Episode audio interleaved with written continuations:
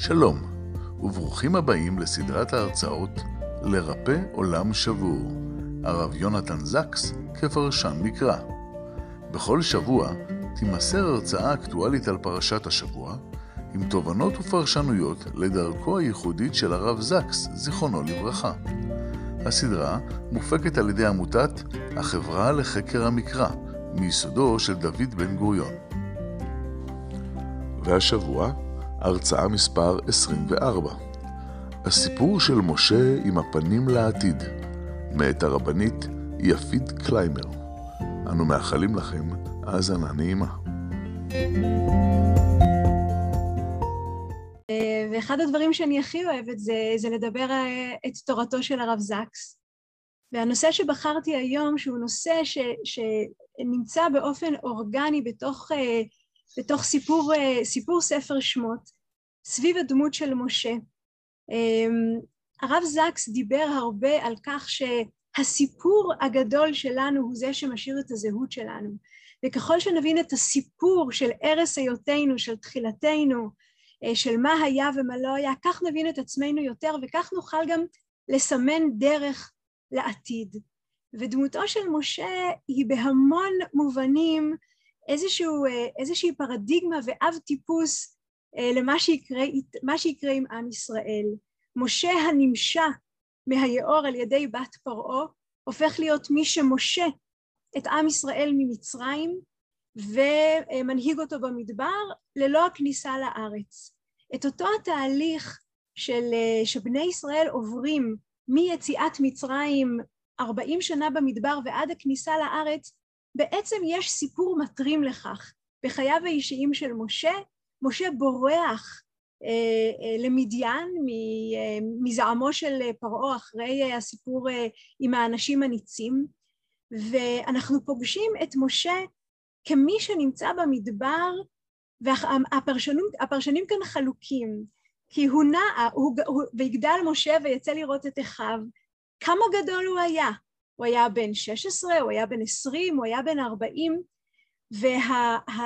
והפרשנים וה, חלוקים וגם המדרשים חלוקים. יש לנו משהו מאוד נדיר סביב דמותו של משה, האמת שגם סביב דמותו של אהרון, שהמקרא נותן לנו גיל מדויק סביב אירוע. כמעט ואף פעם אין למעט אה, מותם של אנשים. ואנחנו יודעים שכשמשה חוזר למצרים להוציא את עם ישראל, למשוד את עם ישראל, הוא בן שמונים ואהרון בן שמונים ושלוש. כך שלפחות אנחנו יודעים את נקודת, את נקודת הגיל שלו שבה הוא חוזר למצרים להוציא את עם ישראל ממצרים. וכשהוא יצא למדיין, כשהוא גדל ויצא למ... וברח ממצרים למדיין, בן כמה הוא היה? אם הוא בן שמונים כשהוא חוזר. אז יש מהמדרשים שמדברים על כך שהוא היה בן ארבעים כשהוא ברח למדיין, כלומר הוא שהה בדיוק ארבעים שנה במדבר לפני שהוא חזר למצרים. יש מדרשים שמדברים על שישים שנה, שאולי מבחינה ריאלית זה קצת יותר מתאים, שהוא בן עשרים, אבל הוא נמצא במדבר שישים שנה. זה נושא שלא ניגע בו, אבל זה גם מרתק איך, איך המדרש משלים את הפער של מה היה עם משה במדבר בשישים השנים. הגיל אה, שאומר שבגיל, המדרש אומר שבגיל 40 הוא בורח למצרים, בעצם לוקח את המספר 40 כמספר טיפולוגי של אה, חוויית חיים, שאפשר לסכם אותה ולעבור הלאה. 40 שנה הוא היה במצרים, 40 שנה הוא היה במדבר עם בני ישראל, ואחר כך הוא, הוא, הוא היה 40 שנה במצרים, 40 שנה במדיין, ואז 40 שנה אה, בלוותו את בני ישראל במדבר, וזה מזכיר לנו דמויות אחרות, אה, מספרות חז"ל הלל 120, רבן יוחנן בן זכאי 120 וכולם מחולקים ל-40, 40, 40, איזשהו מספר שמסמן אה, אה, שלמות של תהליך בתחנה אחת בחיים. בין כך ובין כך אנחנו מוצאים כבר בסוף הפרשה הקודמת ובתחילת פרשתנו את משה במדבר, מנהיג את הצאן, נוהג את צאנו של יתרו ומגיע לסנה, שזה עוד, עוד סיפור מטרים למה שיקרה לבני ישראל שימצאו את עצמם אל מול הר חורב, אל מול הר האלוהים, ומשה כנראה צריך לעבור בגופו ובעצמו את החוויות שבני ישראל יחוו אחר כך כשהוא מוציא אותם למדבר. ואני משתפת כרגע, אני משתפת את דף המקורות, ו... אמ, רגע, לא זה. סליחה. זה. עוד, לא, עוד פעם לא זה, אני מתנצלת. איפה הדף שלי? אוקיי. ואני רוצה, אמ, אני לוקחת את פרשת וארא ובעצם את תחילתה כממשיכה אה, את סוף פרשת שמות, כדי להראות את הפסוקים עליהם אה, אה, בעצם אני בונה את כל הסיפור שלי והרב זקס בנה את, את, את, את, את המוטו המרכזי של הגותו ביחס ל, ל, למסר של עם ישראל לעתיד. והסיפור בשמות ג' מתחילים קצת מהפרשה הקודמת, ואני רוצה שנראה איך התורה ככה לוקחת אותנו סביב המילים, הרי התורה לא ניתנה לנו עם תמונות ולא נתנה לנו עם פסקול, ויש דברים שאנחנו צריכים לדמיין אותם, והדרך של התורה לפרוס בפנינו את, ה, את הסצנה, את הסיפור, זה להגיד לנו תקראו מילה אחרי מילה, כאילו אתם גוללים מגילה וכל פעם מתגלה לפניכם משהו חדש. אז אני קוראת אה, אה, בפסוק א', ומשה היה רואה את צאן יתרו חותנו, כהן מדיין, וינהג את הצאן אחר המדבר ויבוא אל הר האלוהים חורבה. יש כאן כבר במילים הללו כמה עובדות מאוד חשובות.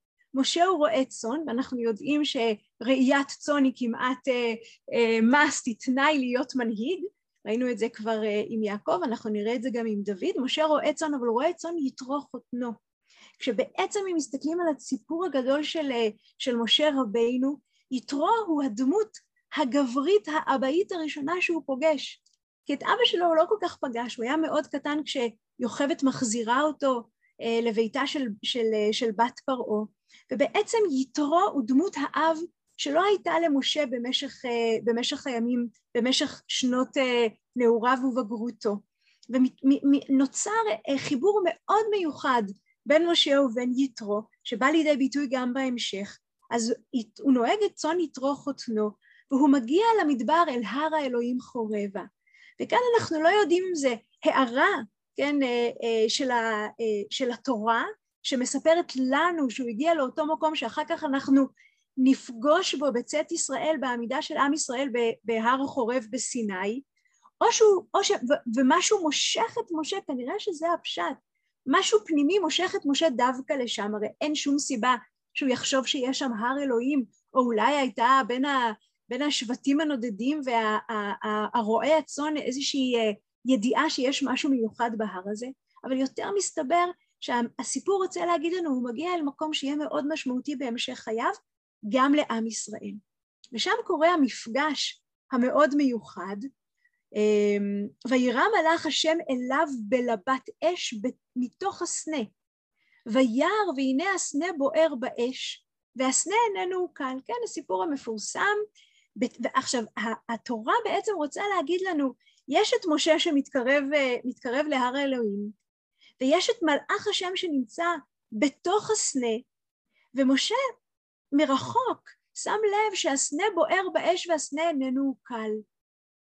וכאן לעניות דעתי מגיעה ההתמודדות השנייה, ההתמודדות המנהיגותית הראשונה של משה הייתה כשהוא, אה, כשהוא הרג את המצרי אה, במצרים, וההתמודדות השנייה היא כאן אולי יותר משמעותית למי שאנחנו כעם, משה ממשיך בדרכו כיום, כמו כל, יום ביומו במשך עשרות שנים לראות את צאן יתרו במדבר, ופתאום הוא שם לב למשהו יוצא דופן, לסנה בוער ש, ש, שאיננו, ש, באש ואיננו כאן.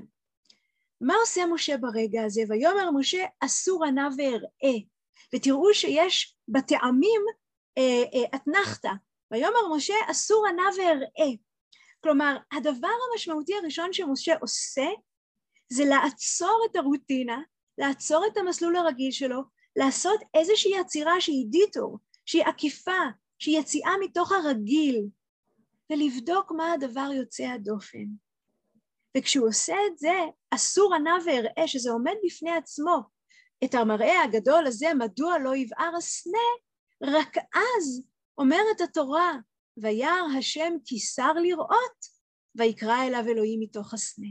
רק כשהאלוקים, רק כשריבונו של עולם רואה שמשה עוזב את הכל, כי ראה שיש שם משהו יוצא דופן, והוא הולך לבדוק מדוע לא יבער הסנה, כלומר לא עוקה, לא, לא אה, נשרף השיח, ורק אז וירא השם תיסר לראות, אז הוא קורא אליו מתוך הסנה.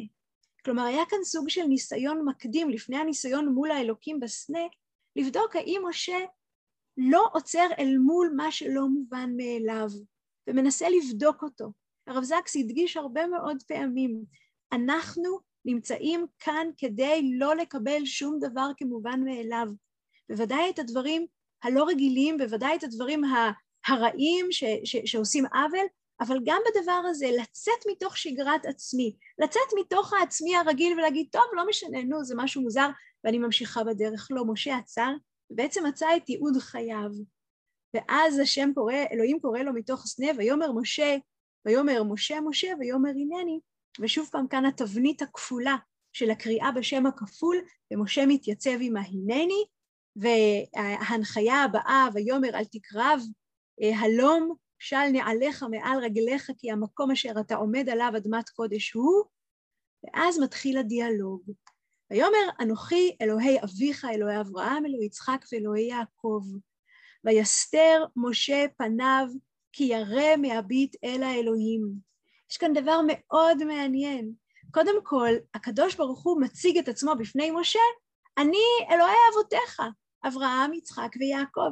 אם משה לא היה מכיר את סיפורי העבר, את, סיפורים של, את הסיפורים של אבותיו, מדוע הוא היה מבקש להסתיר את פניו? כלומר, יש, כאן, יש לנו כאן רמז שמשה למד את ההיסטוריה הקצרה של העם שלו, לפחות את ההיסטוריה של אבותיו.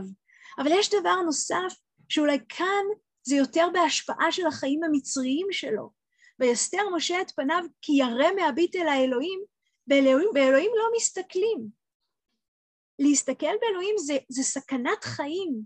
ויש כאן איזשהו פינג פונג מאוד מרתק, שהקדוש ברוך הוא בהתחלה נראה אל, אל, אל משה בשם הוויה, וירא השם, והוא אחר כך מציג את עצמו כאלוהי אברהם, אלוהי יצחק ואלוהי יעקב, יש משהו מאוד פרסונלי בזה. אבל משה כל הזמן מגדיר את, ה, את הכל, את, ה, את המישהו הזה שמדבר עליו כאלוהים. ויסתר משה את פניו כי ירא מהביט אל האלוהים. עכשיו במצרים האלוהים הוא גם המלך, כן? המלך שלוקח על עצמו להיות, אה, שהוא חצי אל, בין אם זה אה, אה, רעמסס, הבן של האל רע, ובין אם זה אל השמש, כל אחד מהפרעונים אימץ לו אל אחר להיות בדמותו. ומשה לא יודע שלדבר עם אלוהים זה לא טוב, הוא עדיין לא מכיר את המושג הזה של האל האישי, האל של ההשגחה. אם מדבר אליי כוח עליון זה אלוהים. והקדוש ברוך הוא מנסה שוב, ויאמר השם, ראו ראיתי את עוני עמי אשר במצרים ואת צעקתם שמעתי מפני נוגסיו, כי ידעתי את מכאוביו. מיד מצרים, אה, את מכאוביו, מיד מצרים ולהעלותו מן הארץ ההיא אל, אל, אל, אל ארץ טובה ורחבה, אני רואה שהפסוקים כאן קצת אה, קפצו, אל ארץ זבת חלב ודבש, מקום הכנעני והחיטי והאמורי והפריזי והיבוסי. ועתה הנה צעקת בני ישראל באה אליי וגם ראיתי את הלחץ אשר מצרים לוחצים אותם, ועתה לך ואשלחך אל פרעה והוצא את עמי בני ישראל ממצרים. זאת השיחה הראשונה, אלו המילים הראשונות. יש את, יש את י"ק ו"ק שמנסה לפגוש את משה, יש את משה שירא מהבט אל האלוהים, ואז הוא מקבל את המשימה הזאתי, לך הוצא את עמי אה, בני ישראל ממצרים. ויאמר משה אל האלוהים, הוא עדיין לא מתרצה לקרוא לו השם. ויאמר משה אל האלוהים, מי אנוכי? כי אלך אל פרעה וכי יוציא את בני ישראל למצרים. אני, אתה מתבלבל, אתה בוחר באדם הלא נכון. מי אני כי אלך אל פרעה?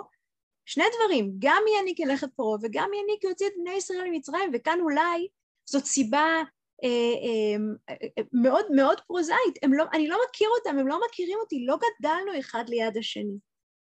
והקדוש ברוך הוא מרגיע ואומר כי אהיה עמך וזה לך האות כי אנוכי שלחתיך בהוציאך את העם ממצרים תעבדון את האלוהים הזה והפרשנים מתלבטים האם האות זה זה שאני שלח אותך ואתה תוציא או זה שאתם תלכו לעבוד אותה על ההר לא משנה אבל אהיה עמך זה אמור להספיק למשה ויאמר משה אל האלוהים שוב רק האלוהים הנה אנוכי בא אל בני ישראל ואמרתי להם אלוהי אבותיכם שלחני עליכם ואמרו לי מה שמו מה אומר עליהם? עכשיו, כל, אני רוצה שנראה איך הכל מתנקז לתוך השאלה הזאת, המקום שבו משה נמצא. משה העברי שיודע שהוא עברי, אין ספק בזה בכלל, וגם ככל הנראה לימדו אותו את ההיסטוריה מאיפה באנו, מי אנחנו, אבל הוא עדיין מרגיש מרוחק מהאלוהים, והוא אומר לו, בסדר, ונגיד שאני באה אל עם ישראל, ואני אומר להם, אלוהים, אלוהים שלח, שלח אותי אליכם. הם צריכים לדעת שאני באמת מכיר אותך. עכשיו, להכיר את האל זה לדעת את השם שלו, וזה עוד פעם, אולי כאן אפשר לראות קצת השפעה מצרית, במובן שעוד לפני ש, שמשה פוגש את האל בורא העולם, האלוהים של העם היהודי, עדיין בראשו מתרוצצות מחשבות מתוך העולם הפולותאיסטי האלילי שהוא גדל בו, שיש ריבוי של אלים, יש שמות שונים. והוא שואל שאלה מבחינתו מאוד טובה. הם ישאלו אותי איך קוראים לו, כי זה יהיה המבחן, כי אולי הם יודעים שאני לא מספיק מכיר, כי אני לא גדלתי עם כולם, אז אולי אני, אולי אני עובד עליהם, אולי אני מגיע בשם של חס וחלילה אל מצרי, והם ישאלו אותי מה שמו ומה אני אגיד להם. אני חושבת שיש כאן דבר נוסף, זאת הדרך של משה להגיד, להראות לנו, ואולי הדרך של התורה להראות לנו שבכל זאת משהו תפס את הסקרנות של משה, והוא מאוד רוצה לדעת איך קוראים לאלוקים הזה. אז הוא אומר לי, הם יגידו מה, מה שמך? ואז התשובה החידתית, האניגמטית, שקולמוסים נשברו עליה, ויאמר אלוהים אל משה, אהיה אשר אהיה. כלומר, מה שמי? ויאמר אלוהים אל משה, ושימו לב, אלוהים כאן עונה למשה באותה מילה. הוא עזב רגע את הי"ק ו"ק, הוא מבין שאת זה עדיין משה לא, לא יכול לשמוע, הוא חוזר לאלוקים ואומר לו, בתוך הכוח שלי של האלוקים, השם שלי זה אהיה אשר אהיה. ויאמר, כה תאמר לבני ישראל, אהיה שלחני עליכם. וכאן אנחנו אמונים על הלימוד הגדול של המורה הגדולה, אה, נחמה לייבוביץ', זכרונה לברכה, שמלמדת שכשיש שני ויאמר אחד אחרי השני על ידי אותו דובר, זאת אומרת שהצד השני לא עונה. ויאמר אלוהים אל משה, אהיה אשר אהיה. ומשה עושה פרצוף תמה ואומר, מה אני אמור להבין מהשם הזה? מה זה אומר? איך, איך, איך זה אומר משהו? הקדוש ברוך הוא אומר לו שוב, זה השם, כן, כה תאמר לבני ישראל, אהיה שלחני עליכם. ואת הפ, הפיצוח של המשפט הזה, של השם הזה, הרב זקס ופרשנים אחרים לפניו בתוך העולם היהודי, גם המדרשי, גם הימי ביניימי וגם בהגות היהודית המודרנית, מבינים שכאן יש סוד גדול, שהוא לא רק סוד האלוקות, אלא הוא סוד הקיום היהודי. אם אנחנו מדברים על סיפור שעליו אנחנו צריכים לבנות את התבנית הזהותית שלנו, את התבנית של המשמעות של החיים שלנו, את, אה, את, אה, את הוראות התפעול של, שלנו כאנשים, זה כאן. ובשביל הרב זקס אלו היו מילים מכוננות, ש, שממש יצרו את קו התפר שבין, אה, שבין האמונות שהיו לבין מה שעומד להתרחש בעתיד. רק נסיים את הדברים של הקדוש ברוך הוא, כי גם הם מאוד מאוד משמעותיים.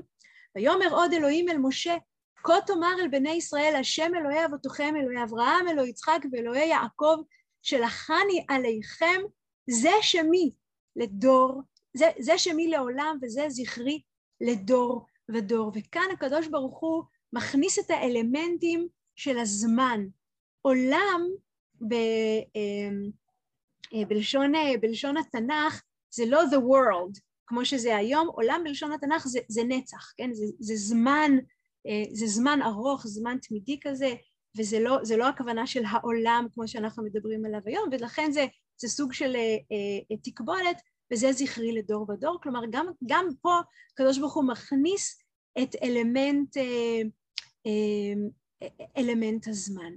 עכשיו, כשאני מסתכלת על, ה, על הפסוקים הללו ועל מה שהרב זקס אה, ילמד אותנו ביחס, ל, אה, ביחס למשה וביחס לעתיד, הרב זקס מדגיש ש,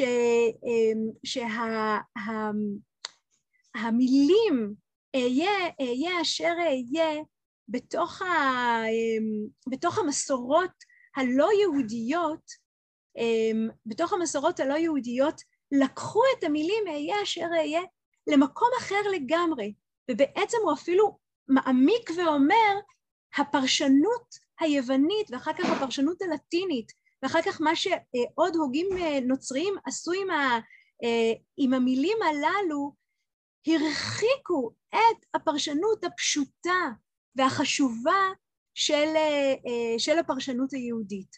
אבל בואו נראה רגע שתי, כמה דוגמאות. לטינית, אגו סום קיוסום, אני מי שאני, כן? או למשל אה, אה, אה, אוגוסטינוס ש, שמדבר על האלוהים, כן, האלוהים שלא משתנה, כן, הישות שהיא לעצמה, היא מחוץ לזמן, היא נצחית, היא חסרת גוף, היא לא משתנה והיא לא יכולה, לא יכולה להשתנות. תומאס מאקווינס, שהוא, אוגוסטינוס הוא אב כנסייה מהמאה הרביעית, תומאס מאקווינס הוא תיאולוג נוצרי אריסטוטלי, חשוב להגיד, מהמאה, מהמאה ה-13, שהוא ממשיך את אותה המסורת והוא אומר, אהיה אשר אהיה, זאת הכרזה שאלוהים הוא הוויית אמת, ישות נצחית, בת על מוות, מספיקה לעצמה, לא, לא משתנה. והתפיסה וה, הזאת של, ש, שמתחילה גם מהתרגום היווני, דרך אגב, אני הוא מי שאני, אני קרקע הקיום, או, או, או, או, או בכל, בכל התרגומים האחרים, בעצם אה, אה, אומר, אומר הרב זקס, מפספסים את העיקר. והעיקר, תכף אני אגיע, אה, תכף אני אגיע לפסוקים הללו, אבל, אבל העיקר, אומר הרב זקס, העיקר זה ההבנה שהמילים הללו, אהיה אשר אהיה, יש בהם זמן והוא זמן עתיד.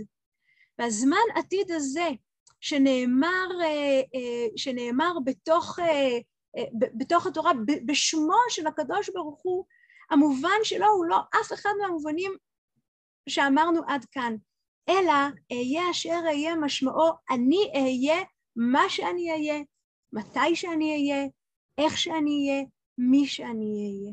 והדקדוק, אומר הרב זקס, נשים לב, אנחנו כשומעי עברית, בוודאי אנחנו שומעות ושומעים את זה, הדקדוק הוא אה, אה, לעתיד, לזמן עתיד. ובמילים אחרות, ולכן גם העולם וזכרי לדור ודור, בעצם במילים אחרות הקדוש ברוך הוא אומר לנו, אני, אני, אני האל המשגיח שפועל בהיסטוריה, ואני גם מתערב בהיסטוריה באופן חסר תקדים ומשחרר אה, את, את עם ישראל, קבוצה של, של עבדים, מידי האימפריה החזקה ביותר בעולם העתיק. לא הייתה אימפריה חזקה כמו האימפריה המצרית בעולם העתיק שהחזיקה מעמד אלפי שנים. הרי כשעם ישראל מגיע למצרים אה, אה, במאה ה-12, או לא, סליחה, במאה ה-14 או ה-13, כן, קשה, קשה מאוד לדייק, מצרים כבר קיימת לפחות ארבעת אלפים שנה. הפירמידות שהן נמצאות במצרים הן בנות שלושת אלפים שנה, עוד קודם שבני ישראל נמצאים. יש ציוויליזציות גדולות מאוד וחזקות מהן, מצרים היא, היא האחרונה שנפלה מבין האימפריות אה, בעולם העתיק, ו, וכמובן יש את מסופוטמיה, את בבל, אה, אימפריות ענקיות שמבוססות על היררכיה מאוד ברורה של מלך אל, של, של עם שהוא העבד, העבדים שלו, שחייהם לא שווים כלום, שה, לא רק שהאלים שמאמינים בהם בתוך המיתולוגיות אה, הבבליות הקדומות, אה, אנומאליש אה, ואחרים, אלא לא רק שהאלים מתעלמים מבני אדם ומאוד אוהבים להתעמר בהם, אלא שהמלך יכול לעשות בחיי האדם מה שהוא רוצה. כן, אני חושבת על זה תמיד ש... כשמדברים על איך, איך המצרים בנו את הפירמידות, אז בדרך כלל אנחנו מנסים להבין ארכיטקטונית ואדריכלית איך זה הצליח להם. אבל התשובה היא יותר פשוטה מזה. התשובה היא בגלל שהם יכלו להביא אה, אה, עשרות אלפי או מיליוני עבדים אה, אה, מאפריקה, ש, שבאמת אה, רבו מאוד במצרים, ואם נהרגים עשרים אלף עבדים ביום כדי להעלות את האבן הכי גבוהה למעלה, אז לא נורא, מביאים עוד עשרים אלף, כי החיים שלהם לא שווים. והקדוש ברוך הוא שמכריז על עצמו כאלוהים בתוך ההיסטוריה, במיוחד, אה, במיוחד לכיוון העתיד, והוא מתערב בתוך ההיסטוריה והוא מוביל את עם ישראל לחירות. וה, אמ, והתפיסה הזאת, כן, אה, אמ, ש, שהיא הייתה מאוד מנוגדת לרוח היהודית, מתחילה לזלוג לתוך תפיסות יהודיות נאו-אריסטוטליות.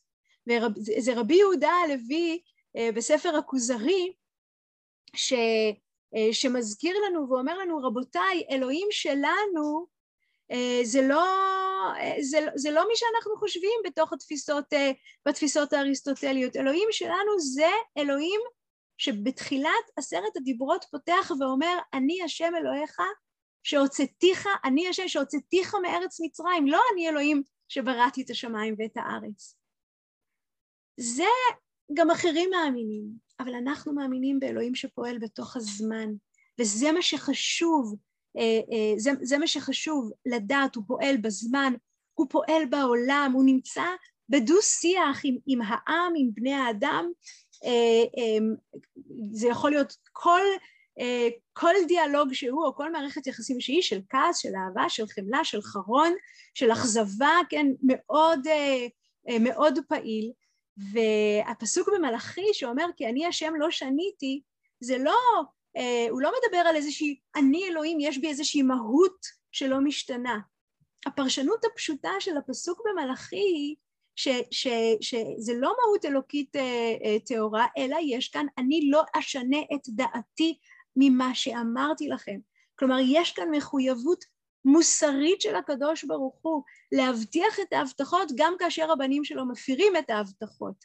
זה לא uh, משתנה וזה, לא, וזה קשור לכל הבריתות שהוא כרת, גם עם נוח וגם עם אברהם וגם עם, uh, uh, וגם עם, עם בני ישראל על הר סיני.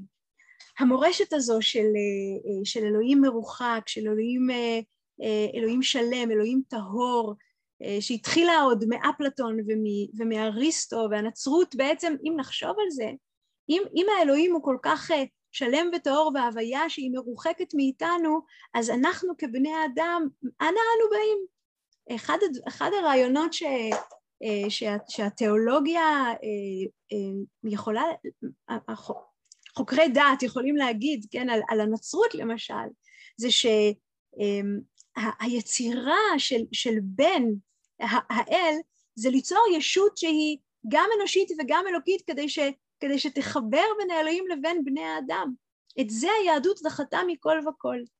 הוא אלוהי, אנחנו אנושיים, אבל יש בתוכנו, בכל בני האדם, יש נשמת אלוקים. כן?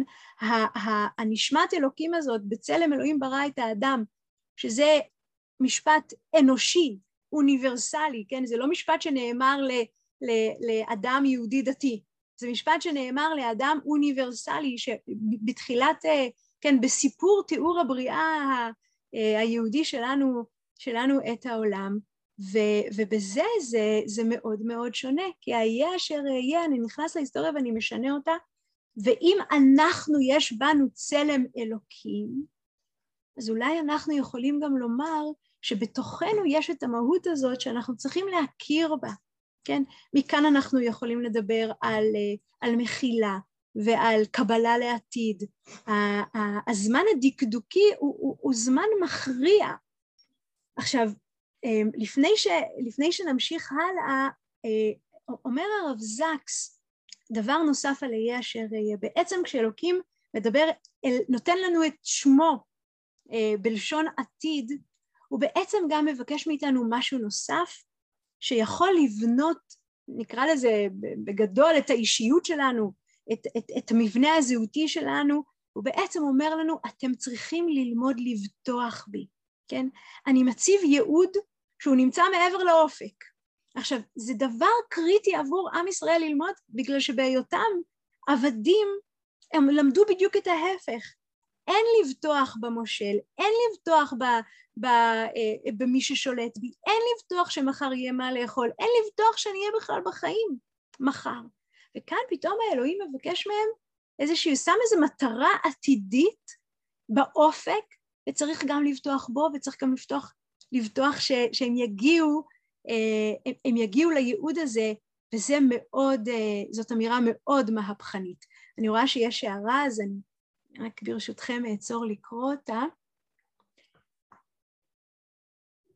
לא, לא, לא, בוודאי שלא, בוודאי שלא. אנחנו, אני מדברת על התורה כמו, כמו, כמו שניתנה לנו בהר סיני, ואנחנו לומדים אותה בכל דור ודור והם יכולים להסתכל אחורה. ברור שמשה פחות הבין כי הוא ממשיך להתווכח עם הקדוש ברוך הוא, נכון?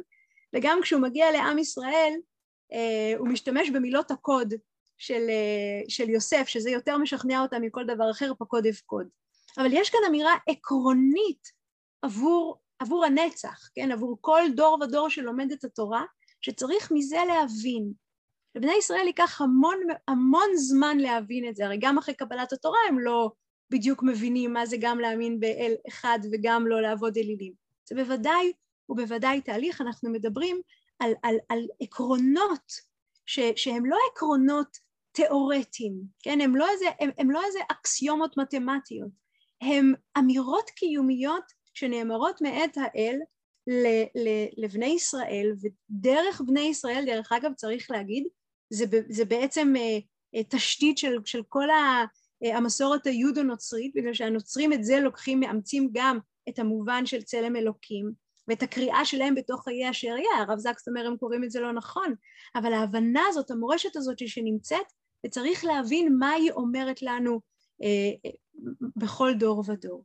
עכשיו, אני, אני מביאה ציטוט ממרטין, אה, ממרטין סליגמן, שהיה פסיכולוג אה, אה, יהודי אמריקאי, שהרב זקס מספר שהוא נפגש איתו כמה פעמים והיו להם שיחות משותפות ומאוד, ומאוד מעניינות. ו, ומספר הרב זקס ש, שכאשר הוא נפגש עם מרטין, עם מרטין סליגמן, מרטין סליגמן הוא ממייסדי הפסיכולוגיה החיובית.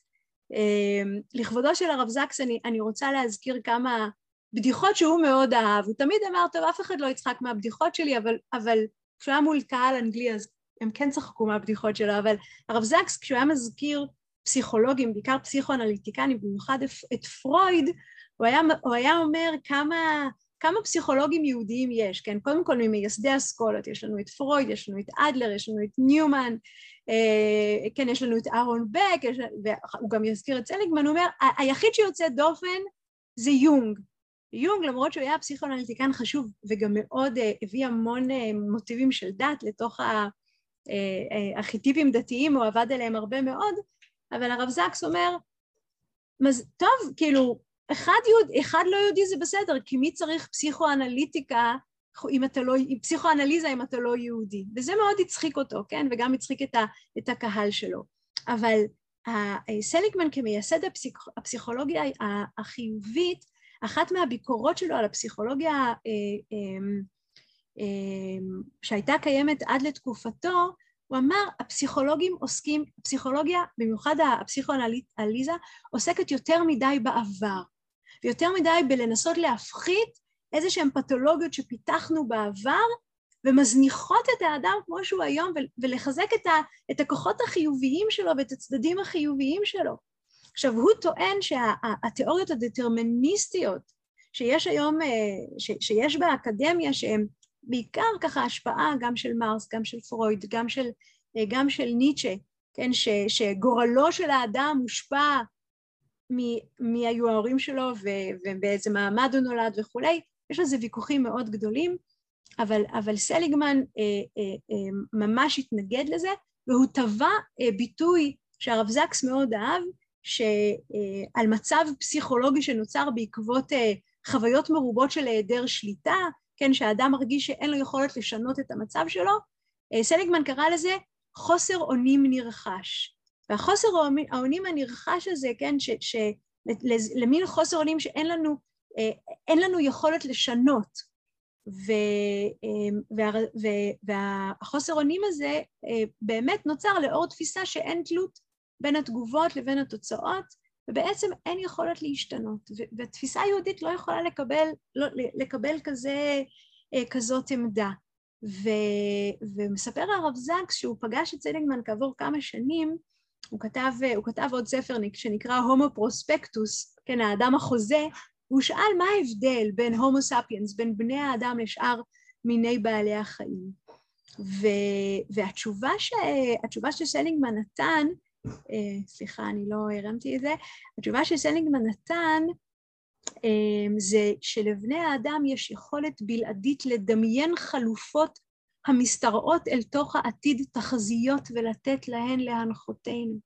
עכשיו, יש כאן אמירה כל כך מרתקת וכל כך חשובה של, של, של, של מה מבדיל אותנו, כן, מותר האדם מן הבהמה מים, זאת, שאל, זו שאלה שנשאלה לאורך הדורות. והתשובה כאן שהרב זקס אימץ אותה לגמרי וקרא אותה וראה אותה בתוך, ה, בתוך התורה, זה כבני אדם אנחנו מסוגלים לדמיין עתיד, אין אף בעל חיים שמסוגל לדמיין עתיד ולשחק באפשרויות בעתיד שלנו, ואז לפי העתיד שאנחנו רואים לעינינו אנחנו גם יכולים לקבוע את ההווה שלנו, וזה, ויש לזה השפעה גדולה מאוד. אני מביאה לכם כאן כמה ציטוטים מהרב זקס, אומר הרב זקס, אני מאמין שעלינו לכבד את העבר אך לא לחיות בו. כן, אה, אה, באנגלית הוא מאוד אהב הרי לטבוע מטבעות לשון, אה, הוא אמר, We can't live in the past, we have to live with the past. אנחנו צריכים לחיות עם העבר ולא לחיות בעבר. האמונה היא כוח מהפכני, אלוהים קורא לנו כפי שקרה בפעם הראשונה אל משה הוא מבקש מאיתנו להאמין בעתיד, ואז בעזרתו לבנות את העתיד הזה.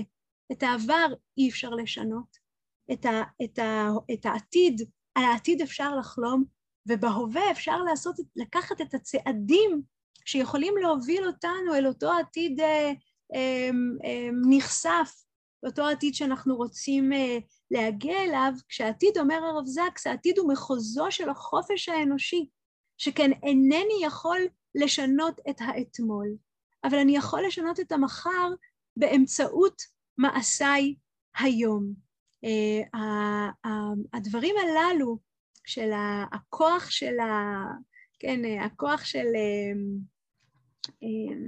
של העתיד, או, או להיות, שבתוך הפעולה האנושית אנחנו יכולים לפעול כדי לממש עתיד שעוד לא קרה, כן, אומר הרב זק, זה מי שמכיר את ספרו השותפות הגדולה על ההבדל בין המדע לבין, ה, לבין האמונה, אומר הרב זק, את זה רק אמונה יכולה לעשות.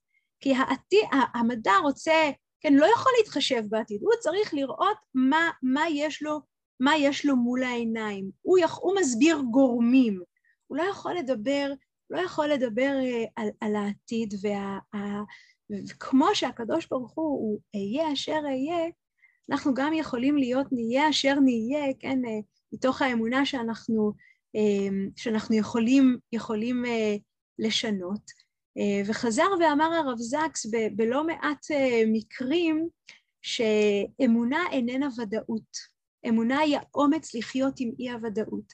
והאומץ לחיות עם אי הוודאות זה כמובן האי ודאות של העתיד, אבל לבדוק כמה שאפשר מה היכולת שלי לכלכל צעדיי בהווה על מנת לצמצם כמה שיותר את חוסר הוודאות ועדיין לא תהיה לנו ודאות. הוודאות היחידה, אני לא יודעת אפילו אם לקרוא לזה ודאות, אולי זה הבקשה, ממש בקשה של הקדוש ברוך הוא אלינו לבטוח בו. תבטחו בי, שיהיה טוב בעתיד, שיהיה בסדר, כן?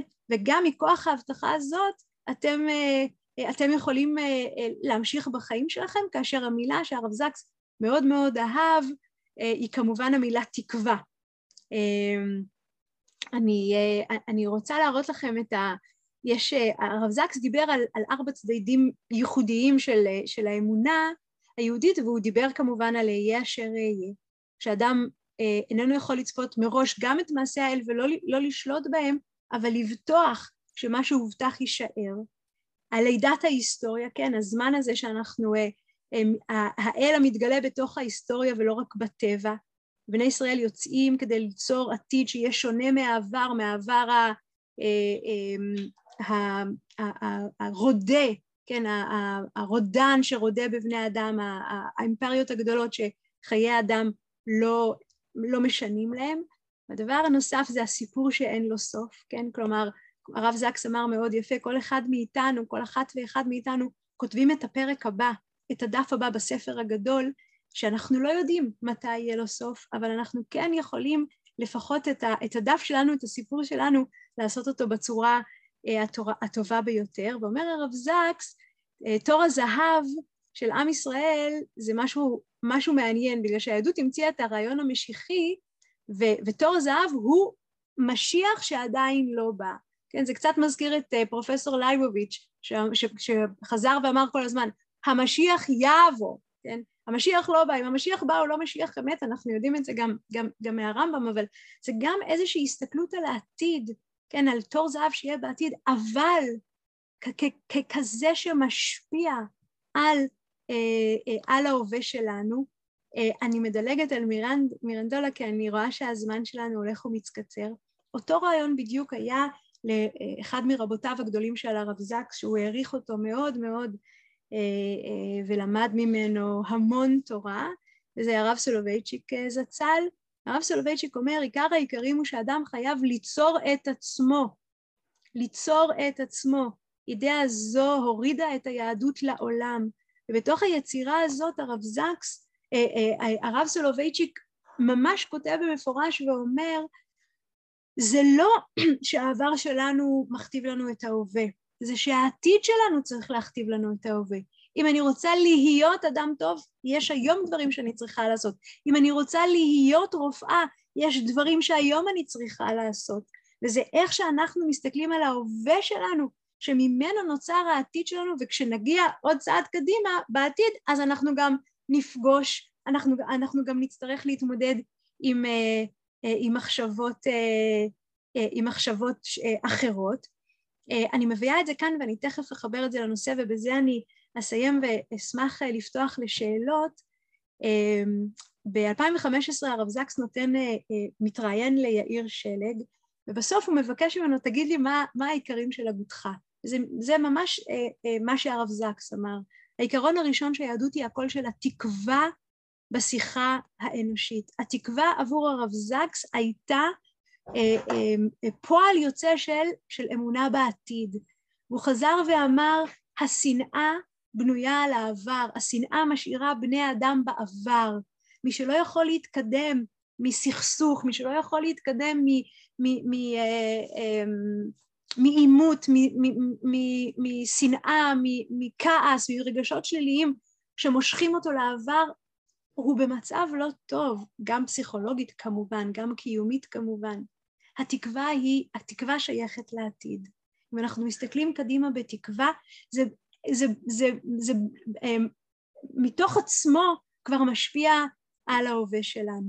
העיקרון השני זה הכבוד לשוני, שאני לא ארחיב בו היום, אני מניחה שבשלל השיעורים הנפלאים שהיו כבר אה, דיבר, אה, הרחבתם על הרעיון הגדול, באמת הרדיקלי של הרב זקס ביחס לכבוד לשוני, והעיקרון השלישי הוא, אה, הוא חשיבות, חשיבות חיי הרוח.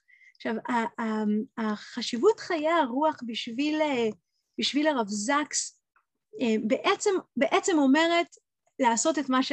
מה שאנחנו עושים הערב, את מה שהחברה לחקר המקרא מפליאה לעשות כבר אה, אה, אה, הרבה מאוד זמן, פשוט ללמוד את עצמנו, וללמוד את עצמנו מתוך המקורות שלנו וללמוד על, על, על העולם כולו, כדי להרחיב את, את, את נקודת המבט שהיא נקודת מבט אלוקית. ברגע שאנחנו מעמידים, מאמינים שאלוהים הוא, הוא האל האוניברסלי, כמו שאומר הרב זקס, היהדות היא פרטיקולרית אבל האלוהים הוא אוניברסלי, אנחנו צריכים ללמוד, אנחנו צריכים ללמוד, אנחנו צריכים לקחת את, אה, את החופש האמיתי, כן, ש, אה, שיש לנו אה, בחיים ושניתן לנו מאת האלוהים ולעשות איתו באמת את הדברים, את הדברים הנכונים. הרב זקס אהב לומר שהפילוסוף המעניין ביותר מבחינתו זה ניטשה. בגלל שהוא האמין בכל מה שהיהדות דחתה, ולכן הוא אומר, זה מעניין אותי לראות אדם רציני שבעצם אומר הפוך ממה שאנחנו מאמינים. והסלוגינג הזה, שכבר הפך להיות כל כך, אה, כל כך מזוהה עם הרב זקס, שאומר ש, שניטשה האמין ברעיון הכוח, ו, ואנחנו מאמינים בכוח הרעיונות, אה, כשאחד אה, אחד מהרעיונות הגדולים אה, שהרב זקס אה, הביא לעולם זה להסתכל קדימה, והוא תמיד דיבר בגאווה מאוד גדולה אה, על העובדה שקודם כל ההמנון של עם ישראל, של העם היהודי היושב בציון זה התקווה, שזה לגמרי שם בתוך, בתוך ההבנה שלו. ו, ויותר מזה, זה כל, ה, כל, ה, כל הקדמה שיש, בתוך, שיש במדינת ישראל, עם התרומה של עם ישראל, עם עם ישראל לעולם, עם העובדה שעם ישראל הוא היה העם הראשון שהקים, כן, חינוך, חינוך לכולם, כן, עם הקמת בתי הספר אי אז עם, עם, רבי, עם יהושע בן, בן גמלה, והכוח אומר של הרב זקס היה משום שאנחנו הסתכלנו לעתיד. וברגע שהתחלנו להסתכל לעבר, משהו קצת אה, נכבה וקפא, ואני אסיים במילים, אה, אה, במילים אחרונות, שהוא היה אומר שאחד ה... שהקבוצה שממנה הוא למד הכי הרבה באנגליה זה הקבוצה של ניצולי השואה. הוא אומר שלקח לו הרבה זמן להבין את זה, ופתאום הוא הבין את זה.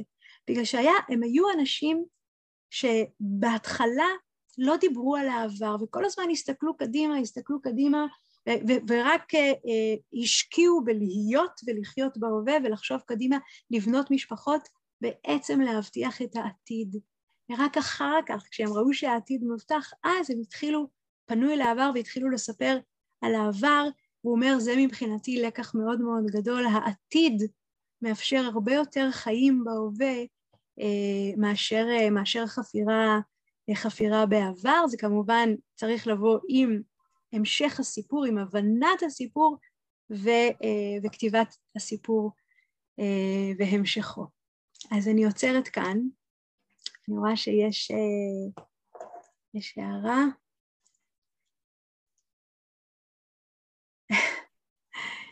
תודה. אני, אם מישהו רוצה להעיר, לשאול, אני אשמח מאוד. הכבוד לשוני. הרבנית יפית. כן. את יכולה להרחיב בכמה משפטים את כן. הנושא הזה, שהוא כן. נושא מאוד עקרוני אצלו. כן, מאוד מאוד. בעצם הרב זקס אומר כך, היהדות הביאה לעולם את הרעיון שכשכולנו נבראנו בצלם אלוקים ולכן מבחינת הערך הסגולי של כל אדם ערכו הסגולי שווה בעיני, אה, בעיני האל, והעולם, אני, אני אדבר רגע, אני, אני אדבר על, על שיחות עכשוויות שלו, בסדר? כלומר, הרב זקס מאוד מאוד דאג מהתפנית הפרוגרסיבית שחלק מהתנועות הליברליות בעולם אה, נתפסו אליהם, והניאו-ליברליזם, אה, ואיזשהו אטומיזם של, של קהילות שלמות, של מדינות, ותתי קבוצות ורב תרבותיות. והרב זקס אמר, שהוא, הרב זקס שהאמין ברב תרבותיות, אבל הוא אמר רב תרבותיות, כשהיא מגיעה לקצה שלה, כמו שאני מרגיש שהעולם הולך אליו, בעצם תביא לבדלנות. מה שאנחנו צריכים זה כבוד לשוני. The, uh, um, dignity of differences, כלומר כל קבוצה להכיר בכוחות שלה, להכיר ביכולות שלה, והיא, והיא מביאה את הדברים האלו לחברה, אנחנו לא מבקשים שתשתנו ותהיו כמונו, ואנחנו מבקשים שתראו מה הייחודיות שלנו שיכולה לתרום, אה, אה, ל, לתרום לחברה, ואתם תביאו את מה שאתם תורמים לחברה, והנוצרים יביאו את מה שהם מביאים, והיהודים את מה שהם, וה, אה, והמוסלמים את מה שהם, והסיקים וההינדים, לא משנה, רב התרבותיות שקיימת, אנחנו לא, אנחנו לא אה, אה, תרבות ביטול, the cancel, uh, cancel culture, אנחנו לא תרבות ביטול, אנחנו תרבות שצריכה מתוך התוקף הדתי של היות כל אדם נברא בצלם אלוקים, יש לכל אדם מה לתת מהשונה שבו, ואנחנו לא צריכים להיות אותו דבר. הדבר השני שהוא הדגיש ככה בתוך, מבחינת הכבוד לשוני, בשיחות רב, אה, אה, בשיחות בין דתיות. בעצם הוא אומר, כשאני רואה שאני שונה מהאחר, ואני חושב שאלוהים שייך לצד שלי, אז האחר מבחינתי מבוטל. לא יכול להיות שגם האחר הוא בן אלוהים וגם אני בן אלוהים, בת אלוהים. הרב זקס אמר הפוך, ריבונו של... לאלוהים יש מקום לכולם, והוא האבא, הוא ההורה של כולנו, והוא הבורא של כולנו. ודווקא השוני מוכיח את אחדותו. את זה הוא, את זה הוא ביסס על, אה, על המדרש היפהפה אה, בגמרא, שאומר שכאשר אדם תובע מטבעות, כן, יש לו את החותמת של המטבעות, וכל המטבעות יוצאים בדיוק אותו דבר. אבל ריבונו של עולם כביכול טבע את בני האדם בחותמו של אדם הראשון, בדמות של אדם הראשון, וכל אחד ואחד הוא אחר. וזה רק עוד הוכחה לאחד שהוא האלוהים, ושבכל אחד ואחד מאיתנו נמצא אה, איזשהו פן אלוקי שאין לאף אחד אחר, ואם לא נביא אותו לידי ביטוי במציאות, הוא, העולם יהיה חסר. ואת זה הרב זקס אמר באומץ גדול, כשייך לכל בני האדם בעולם. האלוהים הוא אוניברסלי, היהדות פרטיקולרית, אנחנו גם לא מבקשים מאנשים שיתגיירו, אנחנו לא דת מיסיונרית. אנחנו, אנחנו נשמח, אנחנו רוצים, צריכים לקרב אנשים לאמונה באל אחד בורא שמיים, האל שפועל בתוך ההיסטוריה, אבל לא כמו הנצרות והאסלאם שיצאו למסעות צלב ולמלחמות קודש כדי לנצר או לאסלם את כל העולם. אמ, וגם כאן הרב זקס אמר, אם אנחנו כל הזמן נסתכל על העבר, אסור לשכוח מה שנעשה לנו, זו נקודה מאוד חשובה, אסור לשכוח, שתי הדתות האלו עשו לנו המון רע, והמון דם נשפך גם בשל נצרות וגם בשל, אה, בשל האסלאם.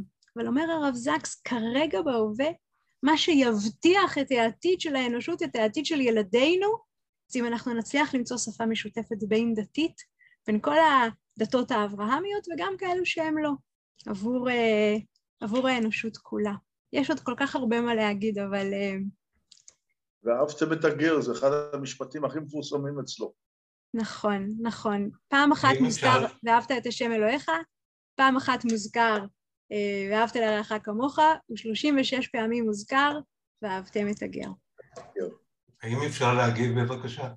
בשמחה. כן. אה, ערב טוב ותודה רבה על ההרצאה שהייתה מאוד מעניינת. אני רוצה להתייחס תודה. בבקשה לקטע אחד מהדברים שלה, שנתנו אה, היבט והבזק לנושא של העבר. קצת צורב לי, קצת אה, מפריע לי, אולי גדלתי על חינוך קצת שונה, אבל כתוב במדרשים שבני ישראל שמרו על עצמם, בני ישראל נשמרו כי הם לא שינו את לשונם, לא החליפו את בגדיהם. למה לברוח מהעבר? למה רק לשים את ההיבט וההדגש על העתיד ומחיקה כל כך טוטאלית של העבר? אני רוצה לשאול אותך, איך פרי גודל על העץ ללא שורשים? אם השורשים חולים, יש סיכוי שהפרי יתבשל כמו שצריך? אני, אם, אם, אם הובן מדבריי על דבריו של הרב זקס, שהוא אומר שצריך uh, להתנתק, מה, להתנתק מהעבר, אז, אז, אז הטעות היא אצלי ולא אצלו, כן? לא, בשום, בשום מקום הוא לא אומר שצריך, להפך, הספרים שלו, כל הספרים שלו למשל על uh, שיג ושיח, על, uh, על סיפורי המקרא, ואחר כך העיסוק שלו בתוך התרבות היהודית שגדלה לצידה של התרבות האירופאית. אי אפשר, אנחנו כאן, כן, אנחנו כאן בזכות מי שהיה לפנינו, ואנחנו כאן מתוקף התמודדות קשה וקלה ומורכבת וטרגית ו, ו, ועם תקווה ובלי תקווה של אבותינו ואימותינו אה, מימים ימימה. הכוונה היא לא להתנער מהעבר, הכוונה היא לא לנתק את העבר, להפך, זה, זה, זה חשש מאוד גדול, גם של הרב זקס, גם, גם של, שלנו, של אחרים, בהבנה שאם אנחנו מתנתקים מהעבר, אז כמו שאתה אמרת כל כך יפה, איך נצמח אם אין לנו שורשים? אני חושבת שהרב זקס מדבר על מערכות יחסים בין בני אדם ש, אמ, ש, שמשאירות אותנו בעיסוק בעבר מבלי, שמשתק את ההווה שלנו ובעצם לא בונה את העתיד שלנו. אה, אמר את זה מקסים אה, אבא קובנר, נכון? בש, ב, ב, בכניסה ל... כן, עם שלא זוכר את עברו, כן, לא... זה שם, זה הכל שם. אני גם, יש, יש... אומר את האמת, ועוד פעם, באמת, אם יצאה שגגה מפי זה שלי, זה לא שלו, תורתו כל כך רחבה, כל כך, אה, כל כך מלאה, כל כך קשה להעביר מורכבות. אה, בתוך, אה, בתוך שעה, אבל ודאי שלא הייתה הכוונה ש, שלא צריך להתייחס לעבר. תודה רבה. תודה לך. עוד שאלות? לא, אז אנחנו נודה לך. תודה רבה. תודה רבה לכם. נזכיר עוד פעם שמי שירצה לשמוע אותך באנגלית, אנחנו מתחילים את מסע ההרצאות באנגלית ביום לאחר פרשת יתרו, ביום ראשון, בשעה חמש, כן, בשעה חמש אחר הצהריים, יהיו הרצאות באנגלית. אנחנו מתחילים את ההרצאות עם הרב ארי ברמן, הוא היושב ראש של הישיב יוניברסיטי בארצות הברית בניו יורק, ויהיו הרצאות מעניינות. אז תודה רבה. תודה, ו... לילה טוב. תודה לכל המאזינים, ערב טוב.